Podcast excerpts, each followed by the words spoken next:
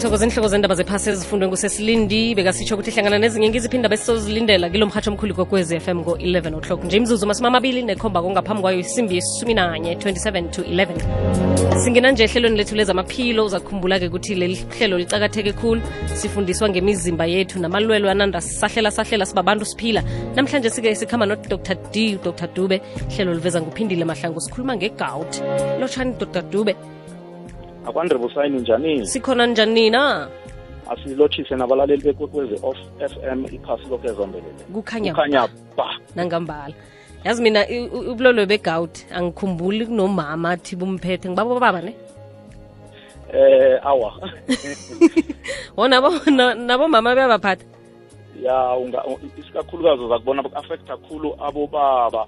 Mara ungaze ucabanga ukuthi abomama ba-affect but ya baya- baya-affecteka nabo as similar okay. eh njengababobaba. Hlathulula indaba yegout yini asithome ngegawuthi sihlathulele abalaleli. Iyini kanti igout le? Abalaleli vane ngibezwe batsho igawugawu batsho igout manje into le eh ibulwele okufana ne-arthritis noma buyi-arthritis um- is- is- is- is- is- isingekhabona khona ihlobo le-arthritis noma ubulwele lobu obu-affect amathambo okay. And then uh, into eyenzekako kwi-gout eza kuyithi ihlukanise ne-arthritis esiyijayele lesitsho thina batsho iphatha abantu abakhulu noma sebaluphele. Eh ihlukaniseka ngokuthi eh, mlaleli kwekwezi kuba khona ama-deposits we-salt noma kuba khona izintwanyana ezikhitshwa mzimba ekufuze ngabe aziyi kuma-joining mara umzimba fuze ngabe uzikhipha ngama-kidneys umlaleli khe azikhame mara angaziboni mara azikhiphe ngemzimbani yakhe azi-excrete. Mara ama-salt lawo noma a- amatswayinyana lawo a- accumulate noma agcwala la ngemajoyinini bese enza amathambo ayavuvukala then amathambo nathi avuvukala sithi thina umlaleli une-gout. Mara sizokucheck-ke lapho ukuthi sifika njani ngoba kufuze ukuthi angitsho senze i- i- i- i- i-showcase ukuthi vele ngiyo i-gout noma ngobunye ubulwele bamathambo. Mhlambe khe sikisho ukuthi eh ubulwele bamathambo obukhona obu-common khulu ngiyo i-gout and then kuba khona lokhu esithi thina i-osteoarthritis noma ubulwele lobu obu-affect amathambo umuntu naselaluphele sekamkhulukhulu or kube khona lokhu esithi i-rheumatoid arthritis ngamanye amagama ukuthi uthi amathambo akhe aba-deformed noma ayamoshakala sele kuya nge-age lokhu athoma kuhamba kubo-65 70 amathambo akhe engazathi ayagobeka na ubona ngathi amathambo akhe aba-deformed ngaleyo ndlela sowuzakwazi mlaleli ukuthi une-rheumatoid arthritis. And then masele ichubeka njalo sihlukanisa kwamanye ama-arthritis akhona. Akhona kamanye njengalawo esithi ma-septic arthritis la ijoin khona iba nobovu noma iba infected ngama-bacteria and then bese umlaleli uba ne-septic arthritis. And then iyatrithakala nayo.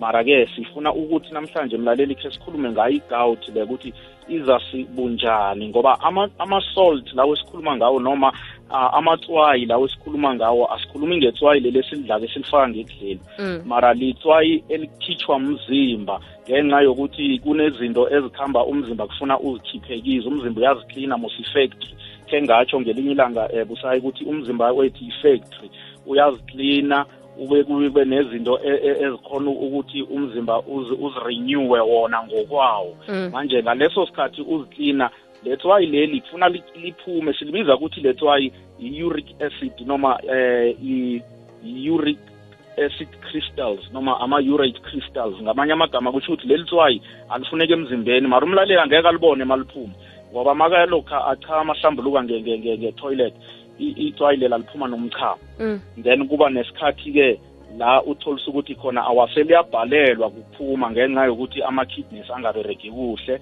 or mhlambe selibhalelwa ukuthi umlaleli kunezinto azifakile ngemzimbeni akhe. Then itswayi lela laba liningi khulu ama-kidneys athi ayakhipha athi awa nje khona sesiyabhalela umuntu lo uyafaka siyakhipha uyafaka siyakhipha. Then into leyo izamkhosta kumlaleli ukuthi abe nobulwele begout.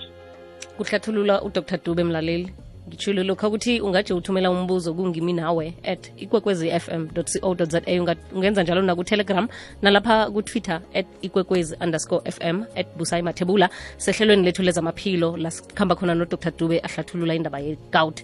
Uzokubona njani umuntu ukuthi une-gout dr. D? Eh mlaleli izokuba lula kakhulu ukuthi uyibone ukuthi i-gout eh amalangana la aphelile bowu-right unganamraro wamathambo uphilile saka futhi umuntu omutsha kwesinye isikhathi. Uthi uza kuqala lapha ubona ijoin yakho ivuvukele isikakhulukazi inoku-affecta la kumuno lomkhulu esithi ngubhonzi lo muno lomkhulu uvuvuke and then mawubamba uba uyachisa engazathi na ucalisisa kuhle ngathi ureddish engazathi uthelwe mamanzi abilayo and isikakhulukazi leso sikhathi ipeyini lakhona awa litsho kumqeda umlaleli then uzokubona ngaleyo nto ukuvuvuka kwejoin e-affectekile and then ipeyini elibetha khulu libethe kube buhlungu umzimba ungakhona ukunyathela ungakhona ukufaka amanyathelo ungakhona ukukhamba. And then amathambo akho angazathi afuna ukuba safe. Into leyo iyakutshela-ke mlaleli ukuthi ngiyo-ke i-giveaway esiba nayo noma ithwayo elingazathi liyayihlukanisa i-gout kwamanye amalwele amathambo mm, mm. Alo-ke umuntu selabonile dr. Dube ukuthi nginayo i-gout yenzani? Iyalapheka i-gout le iyalawuleka. Iyalawuleka eh i-gout le ayilapheki and i-gout masele ithomile kuba nezinto ekufuna ukuthi umlaleli engathi uyaziqalisisa khulukhulu eh lapha kuma-diet akhe batsho udla njani sizokucheck nalapho ukuthi angitsho kuzokuba nama-blood test esibenza wona. Masithola ukuthi awa ijoin le yayivuvukele umlaleli-ke sizomthatha simenze ama-blood test isikakhulukazi sinokuhlola le esithi thina uric acid level. I-uric acid level kutsho ukuthi i-checka itswayi leli esikhuluma ngalo ekufuze ngabe lingabi khona kuma-join mara selitholakala lilapho. Se i-uric acid level izokukhombisa ukuthi iphakeme khulu. Then uma iphakeme khulu sesiyazi ukuthi awa vele sidila nge-gout. Then i-gout le sithe ayilapheki mara iyalawuleka ngoba why sisho njalo kukuthi kuza kufuna ukuthi umlaleli achuguluke ezinye izinto achugulule ezinye izinto njengokudla kwakhe aqalisise khulukhulu lapha ekudleni batsho udla kuhle na and then abese simnikele ama imichoga ezokukhona ukuthi eh ilawule i-gout le. I-attack iba khona then bese iphinde engazathi umlaleli ube right after a while. Manje into ebetha umlaleli ukuthi eh isikakhulukazi angabona ukuthi u-right ubuyela kulo kakudla lokhu adle konke lokhu esithize thina awa lokhu ngathi kuzakufuna ukuthi uku-avoid ngoba ngathi ukuthanda khulu lokhu. Ibetha lapho. Then iza kuhamba-ke masele injalo ibe yi-chronic gout. Ngamanye amagama kutsho ukuthi seyithoma manje ukudevelopa into chronic gout. Ngamanye amagama isariveseki i-condition yakhe. And then sekuba nezinto esizibonako ezisitshela ukuthi awala seyikhambe yaze yafika ku-chronic disease mm. Ngiba kuyokuthengisa dr dube sibuye nomlaleli nemibuzo wakhe e, neyethu esisesenayo. Lo mhatsha kothanda kwekwezi FM kukhanya mzuzu nebunane ngaphambi kwesimbi yesumi nanye 28 minutes to 11 likwekwezi. Kukhanya ba sehlelweni lezamaphilo sikhuluma nodr. Dube ngegout ngilinda imtatu wakho ku-089 1207667 nombuzo engawufumana nge-email kungimi nawe at ikwekwezi fm co za ngithoma ngapha. Lotsha usemoyeni right akhe sicale lapha mhlambe ku-email ukuthi umbuzo unamuphi na eh i umbuzo. Uh, igawudi liqinisa ukuthi kukosa ukudla inyama khulu namkhana ikhosa ukudla inyama khulu na and kungenzeka um ukuthi ngingabulala ubulwelo obuna kutsho udavid masangwe paul. Eh asimphendula udavid. Eh sokuthoma igout uma udla khulu inyama ebovu and futhi usela nokusela utshwala uba yi-victim yokuthi ube ne-gout noma uba uba uba ngumuntu lo esithi uku-high risk ukuthi abe ne-gout. And then i-gout yes ingakubulala david ngoba eh izokucomplicate ama-kidneys akho khe siqale la sithe thina lokha ama-kidneys angasakhoni ukuthi akhiphe le tswayi lingafuneki ngemzimbeni ngenxa yokuthi mhlambe ufake too much njengokuthi udle khulu inyama ebovu noma udle izinto lezi ezinama-chemicals abanga itswayi leli esikhuluma ngalo ukuthi libe liningi khulu noma wasela-ke khulu umuntu oselako khulu. Then-ke eh uzokuba mosi ama-kidneys lokhu abhalelwa bese kuba nalento esithi ma-kidney stones. Kuyokwenzeka ama-kidney stones la and then ama-kidneys akho azokulibeleka to kidney failure. Then ama-kidneys ayabhalelwa then uyahlongakala then okunye okungenzeka ukuthi amanye ama-organs omzimba wakho noma izitho zomzimba wakho ezinjengehliziyo ezicakatheke khulu zizokubetheka kule process yokuthi la ngemzimbeni akho kunama-waste angafuneki ekufuze ukuthi umzimba ngabe ukhona ukuwakhipha. Mara nje khona awusakhoni ukuthi wakhiphe. Khe sibekise kusayi mhlawumbe khe siyihlathulule le umlaleli indaba leyo ye-alcohol. Eh lokha usela kakhulu utshwala noma asithi nje usela utshwala lokha uphuza i-alcohol lesikhathi manje ama-kidneys afuze ukuthi a-excrete letswayi leli ebathi i-uric crystals noma leli besikhuluma ngalo libanga i-gout. Ama-kidneys awasakhoni adila ngale alcohol le. Ngoba ayibona ukuthi awa le ingene khulu and le mosi is toxic noma iyi-poison then umuntu lokha aselile uzambona uya kakhulu etoilet uya kakhulu etoilet iba i-diuretic. Mara kule process leyo kwenzeka njalo itswayi leli liyabambeka likhona ukuphuma ni ngoba sekuphuma musi i-alcohol. Then ngiyo-ke into eyenza ukuthi umlaleli besuba ne-gout ngoba le tswayi azange ukuphuma then Mm. lizokudiphozitheka la ngemajoyinini akhe. Mm, okay. Usemoyeni ikwekwezi lotshani ikwekwezi yetshe awami kusayi kunjani? Kukhanya ba. Hayi kukhanya babu sayi nabe nginombuzo mani kudoctor? Eh kutsho ukuthi nginenkinga ukuthi bathi ne-arthritis mara kumangala ukuthi kuvuvuka idolo eli-one. Mm. and then bese la emadini la woke nje ayashisa kwesinye isikhathi mawuhlezi njengesitulweni isikhashanyana nje. Mm. noma ungahlala just i-five minutes uthola idini leli lithisa ungathi umuntu ophethe mapeyini okuthenga babe ngifuna ukwazi ukuthi igawudi ya iza njani naloko yabona? Okay dr. Tubu muzwa eh ngimbambele kancane ngathi uqale wakhuluma ngedolo angazi ukuthi idolo liyavuvuka. Ya uma uthe uvuvuka idolo linye kuthiwe i-arthritis angitsho ma? Yebo. Yinto emrara ukuthi lidolo linye bese kuchise namadini la. Okay. No asimhlathulule so umlaleli lapho eh idolo yes lingavuvuka makhibe umuntu vele unayo i-arthritis especially makhibe sithi thina i-knee effusion noma ligcwala amanzi idolo lakhe lapha ngejoyinini kube namanzi khulu then bese liyavuvuka ngenxa yokuthi mhlambe une-arthritis liyakhona ukuvuvuka libe linye ang- angavuvuki wo- womabili?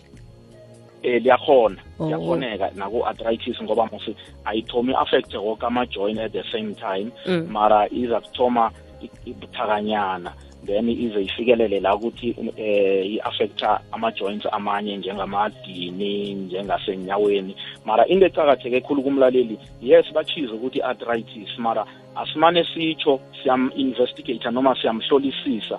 Njengama-x-ray kwenziwe i-x-ray kubonakale ukuthi i-cartilage le ngoba i- i- into ehlukanisa i-gout ne-arthritis le sithi thina i-osteoarthritis le etshiwo ngumlaleli. Iza kubonakala ngokuthi leya i-joint le sithi cartilage iyaphela phakathi kwalamathambo lawa yi-two. Ithambo leli elivela ngenzasi emlenzeni nethambo leli elichamuka phezulu la ngakutayi a- abese ayachayisana noma ayakarabhana. Lesikhathi achayisana sithi une, une osteoarthritis. Mara kwi-gout akubi njalo ni. Ku-gout i-cartilage irehe ayikabi ukuphela. Net into ekhona kuba naletswayi lingafuneki emzimbeni ela- el- elakhela la kule joint. Then malakhela la kule joint ke umlaleli liya lizokuvuvuka libe lichise khulu lipeyine ngiko ngithi-ke umlaleli lo singamhlathulela ukuthi akenze i-x-ray bamenze i-blood test ingazi bazihlole kuhlolela ukuthi akanayo i-uric acid eningikhulu ngemzimbeni akhe na. Kuyezwakala sithathe munye kodwa umlaleli usemoyeni? Lotshani hello? Akwande? Ninjani sesi sikhona ninjani nina? Ngicela ukubuza udoke yazi mina ngile ngithethe ngithethe yisithende le sithende Mm. sami besibuhlungu khulu three months yonke. Mara kodwa nganelisa nganele ukuthenga iy'khathini ezingathi ziphakeme so yabona la emuva. Mm. labe seliyathula manje ngiyazibuza ukuthi i-gawuti or yini mara udoktor yena uthe mhlawumbe siqala izinto zobugawuti yabona? Mm. Manje mara since ngifakele isithathulo laseliyathula-ke vele okay ma angisazi yazi yini ongasayenzi kwangisho lithulile nge- ngesicathulo eso. Iya lithulile. Lithulile vele ngaso lithulile vele. Wona bowufuna ukulilapha kungaphakami isithenda kusithi or nangiyathela mhlawumbe straight ngingifakele straight Mm. mara nangifakele singathi siphakamile vele yabona saphusha inyama ya okuphakamile la lithulile maye ngiyabuza ukuthi or ukugula or lifuna vele isithathulo na ngoba nakulo mhla amapilisi ngakhona nangingadingeki asabeke okay mama siyathokoza ngitsho okay mphendule dr dube ngimzwile busayi ukhuluma ngesithende uthi nje khona njengoba faka izicathulo engathi zingale ndlela azitshoko ngathi u-right. Um isikakhulukazi la especially la utholisa ukuthi babantu abane-weight kuba khona ukuba baphathwe zinthende and then kudevelop into le yabathi calcaneal spare noma kunethanjana elimilako la ngesithende la. Lethanjana lelo ngilo khulukhulu elilimaza abalaleli esikhathini esiningi khulu. Manje mina ngingam-advise ukuthi yes noma atshathi utshintshile wafaka iy'cathulo ezingathi ziyamhelebha mara akayenzi i-x-ray yabone ukuthi akunathanjana elimilile la ngaphasi kwesithende sakhe lokhu esithi calcaneal spare and nalo lelo thambo vele libangwa ngiyo i-osteoarthritis. Sithembe ukuthi uma uyaphenduleka siku ngimi nawe at ikwekwezi fm co za nge-email nange unombuzo otshinga kudr. Dube mayelana nesihloko sanamhlanje si um umkamalume bamqundula imino emithathu yenyaweni bathi unegout bathi angasabhema negwayi. Ingalokho liyayibanga na thina asazi ukuthi ibangwa inyama o thina sazi ukuthi ibangwa inyama ebovu kuphela. Eh asiyilungise emlaleli ekwekwezi. Indaba le yegawuthi akhe siqalisise busayi ukuthi kani ibangwa yikuphi ukudla okungenza ukuthi umlaleli abe negawuthi mhlambe khe siyiqale njalo. Mm. eh kunezi kunokudla loku esikubiza ukuthi thina ku- kunama-proteins and lokudla loku uma umlaleli akudlile makufika ngemzimbeni ngendenini akhe kuyahlukaniseka-ke kuyabreakeka kube metabolized ku- ku- ku- ku- ku- ku- kugayeke ngendlela efuze ngakhona. Mara-ke kungikuphi loku okwenza ukuthi manje utholisa ukuthi itswayi leli esikhulume ngalo leli eligijimela ngemajoyinini eh kube eh libe liningi khulu kangangokuthi umzimba awusakhona ukudila ngalo itswayi lelo. Eh kufuze ukuthi umlaleli atraye ukuthi a-avoid ukudla okunjeng okunenyama ebovu. Akhe sitsho njalo sithi mhlambe red meat sithi thina i-red meat musuyayithola noma udla ivorsa ngitsho. Uyayithola i-red meat noma udla lokhu okuthiwa ngama eh i-beef nayile etholakala ngemathinini Mm. i-red meat nalapho ikhona ngitsho. Eh sibese siqalisisa mhlambe uza kuthola nokuthi ama-kidneys noma ingaphakathi lokho esikudlako lokho esithi thina ngama-insides yabona izinso eh isibindi isikakhulukazi isibindi sekomo eh ukudla lokho ngathi umlaleli kungamdosela ukuthi abe more eh abe abe abe ku risk yokuthi angadevelopa i-gout. And then akhona ke eh okukhunye njenge-turkey i-turkey um sure abalaleli bayazi khulu. I-turkey nayo iyenza ukuthi amatswayi lawa abe maningi khulu ngemzimbeni. Ukudla okunethukela eningi iningi khulu ya kuyenza ukuthi neziphuzo zakhona ukuthi umzimba ungathoma accumulate letswayi sikhulume ngalo. And then um kukhona ifish nayo lesithi thina ama-sardines. Ifish leyo nayo iyamgandelela umlaleli ukuthi angaba ne-risk yokuthi adevelope i-gout or masibe selokhu nakhibe se anayo i-gout iba worse ngokuthi adle eh ifish leyo esi- esithi ma-sardines. And then um sizokuqala nokhunye okunenyama ebovu njengama-bacon. I-bacon ine-red meat angitsho Mhm. so zizinto-ke lezi ezenza ukuthi umlaleli angaba ku-high risk yokuthi abe ne-gout then ezokuselwako sibalile ukuthi eh, ezinechukela kakhulu and then sabala i-alcohol ukuthi iberega kanjani ma iza cost i-gout ngemzimbeni womuntu. Then ngikho-ke lokhu eh, si okucakathekile so asitsho ukuthi i-red meat nje kuphela. Mara kune zidlo noma ukudla kuningi nje okwenza ukuthi umlaleli angaba ku-risk yokuthi adevelope. Yes i-red meat is number one. Alungabe ucundulwe nemino-ke? Eh engathi ngatry kuyihlathulula ekuthomeni ukuthi lokha busayi ingakalawuleki ku-acute phase ngoba i-gout angithi nama-phases. La ku-acute phase kusho ukuthi uma isanda kuthoma. Uma lokhu ingakalawuleki lapho iyaprogressa noma iyachubeka ingene kwi-phase le esithi chronic. Mase iku-chronic eh umlaleli uza kucala la ngemuva kwama-elbow. Yabo la ngemikhonweni la kuma-elbow ngemuva kunokuthi uqalisisa kuhle lapho uza kubona ukuthi kunabanye abalaleli uba nezinto ezingathi ma-growth ezimilile lapho ngathi zigaxanyana so eziba lapho. Le nto leyo ngiyo nayo i-giveaway ekutshela ukuthi igawuthi yakho seyiprogressele to chronic. Ngamanye amagama eh sithi thina ngumthofi maseyila eh lama-crystals noma lamatswayi lawa naselabuthelene kule join le la ngakuma-elbows ichiya umthofi lapho noma izigadla lezo then izigadla lezo ziyakutshela ukuthi sowuku-chronic manje eh ukuze umlaleli ngoba maseyinjalo eh mlaleli kwekwez f m nawubusayi iya iyamthwalisa umlaleli. Ngamanye amazwi kusho ukuthi ijoin leyo seyimoshakele that is the reason noma ngiyo nje i-reason engaba khona yokuthi umlaleli bam-amputate noma bamsuse iminwana leyo engukuthi vele seyidamejekile. Mhlawumbe akasakhoni ukufaka isikathulo akasoze kuba nesize esicathulo ngoba sekune ubhondi lo so so mkhulu ngendlela ukuthi naye soyamsinda. Mm. okay. Um kunomlalelo obuza ukuthi bashona kuphele ikhathilage leyo ibuyiswa yini? Eh umlaleli usisa ku-osteoarthritis noma ubulwele lobu kwamathambo obu-affecta khulukhulu abantu abadala sebaluphele. I-cartilage masele iphelile ayikho into ezoyibisela.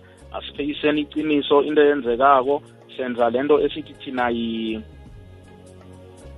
artificial joint replacement. Ngamanye amagama eh uzokwenziwa i-operation amikiswe ngesibhedlela bamenze operation then bamenze eh i-joint replacement lapho edolweni la ku-affecteke khona noma ejoinini e-affectekile okay. Lo mhathi omkhulu kokwez f m kukhanya ba sikhamba no-dr. Dube sikhuluma ngegawudi yona-ke igawudi esikhuluma ngayo le ibamba noma umuntu weminyaka emingaki yes eh i-gout le mlaleli kwekwezi FM i-affecta nanoma ngabe ngubani noma ngabe umuntu wembaji umuntu wengubo kuyafana amalangana la and at any age umuntu uyamphatha. Noma umutsha noma uluphele kuyafana. Nje net nje ufuna umlaleli aqaphele khulu nje la ekudleni nokuthi eh amathwayo lawo esikhulume ngawo ukuvuvuka amajoint bese-ke ukhona ukusizakala.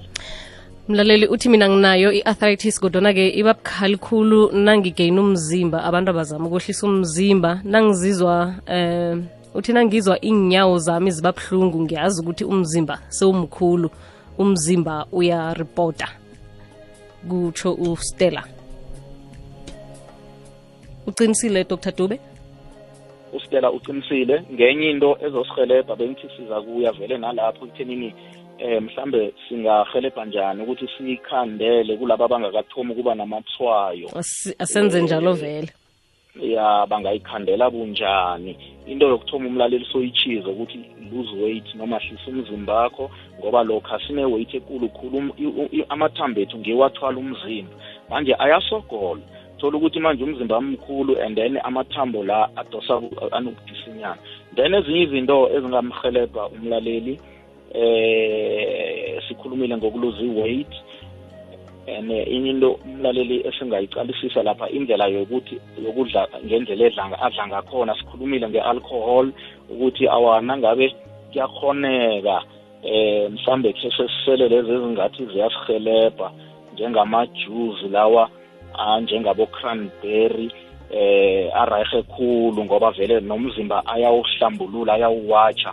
Awatshe nama-kidneys akho eh nakhibe lokha umlaleli eh kunokudla akudlako okungathi ekudiet yakhe there's too much mhlambe kunenyama eningi red meat kakhulu kudiet yakhe kufuna adjuste alungise. Kunokudla okunye esingakukhuthaza mhlambe khe sikhulume nangalokhu esingakukhuthaza ukuthi akudla ama-fruits angawadla khulukhulu amaqanda. Nawubona ukuthi awa udoktor sekakutshelile batsho lisinyama ungadla amaqanda amaqanda awayibanga igawuti ungadla ichicken ichicken ayibangi igawuti ungadla idada idada liyibangi igawuti ungadla amabhanana khulu eh amabhanana ayahelebha ane-high potassium. Noma kunalesakhamzimba sithi potassium and then amabhanana ane-vitamin c.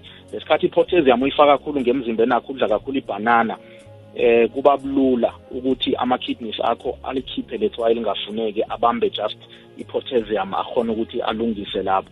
Ama-nuts noma i-peanut butter yihle khulu ingamhelebha umlaleli ukuthi umzimba wakhe ukhuthalele ukukhipha lezi zinto zingamatswayi engafunekiko. And then ikhofi ikhofi kokunye siyatsho ukuthi alikho rehe mara maseziza ku-gout emntwini oselanayo i-gout makasela khula ikhofi uyahelebheka ngoba eh, ama-kidneys akhe azokukhona ukuflasha itswayi leli elingafuneki. And then nawuthayisele khulu utsho njani dr dube ngelanga sele kangangani? Maybe two cups a day. Oh. Two cups a day. And then eh asikhulumi ngomuntu busayi onobulwele behliziyo asikhulumi ngomuntu onobulwele eh be- be- behliziyo ne-high blood. Ngoba makhibe une-high blood nobulwele behliziyo then uzoba nenkinga eh yakho izokuthoma ibethe snacks bese uthi ngudume manje asisodwa usithethile ngithe mina ikhofi lirehe uma ngabe sikhuluma nge-gout. Mara-ke kobunye ubulwelwe mhlawumbe ungabuza uconsult ubuza udoktor yakho ukuthi ngingalisela ikhofi na. Then ama-vitamin supplements ane-vitamin c arehe khulu. Eh umlaleli nakangawadla nje asele kakhulu amanzi. Mosi ihubhululo liveze ukuthi lokhu usela 2 liter per day or even more mhlambe usele 2 to 3 liters per day uyakhona ukuthi itswayi leli uliflashe liphume ngemzimbeni akho ama-kidneys enze umbereko dr dube siphelelwe sikhathi. Iyafuzana ngefuzo mhlambe umuntu uyakhona ukuba nayo ngoba umgogo noma umkhulu nayo ya sithe nasihubhulula sathi akhona ama-genetic traits na noma ufuzo ukuthi ekhaya ngoba khe yabakhona mhlambe nathi ingaba khona ebantwaneni eh ikhona i-trait enjalo ukuthi kungenzeka kwabanye nasingathi siyaqalisa ngoba khona abantu abazidlako zonke lezi zinto mara i-gout ayibaphathi. Uyabona-ke lento esiyitshoko ukuthi i-trait nayo inendima eyidlalako. Ngudr dube ngephola e-orhisi 0833803550 eh umlaleli makunamathwaya awabonako we-gout singamyelelisa ukuthi agijimele ngemtholampilo kadoctor bamcheck bamthatha ama-blood test arelevant. Indaba zephasi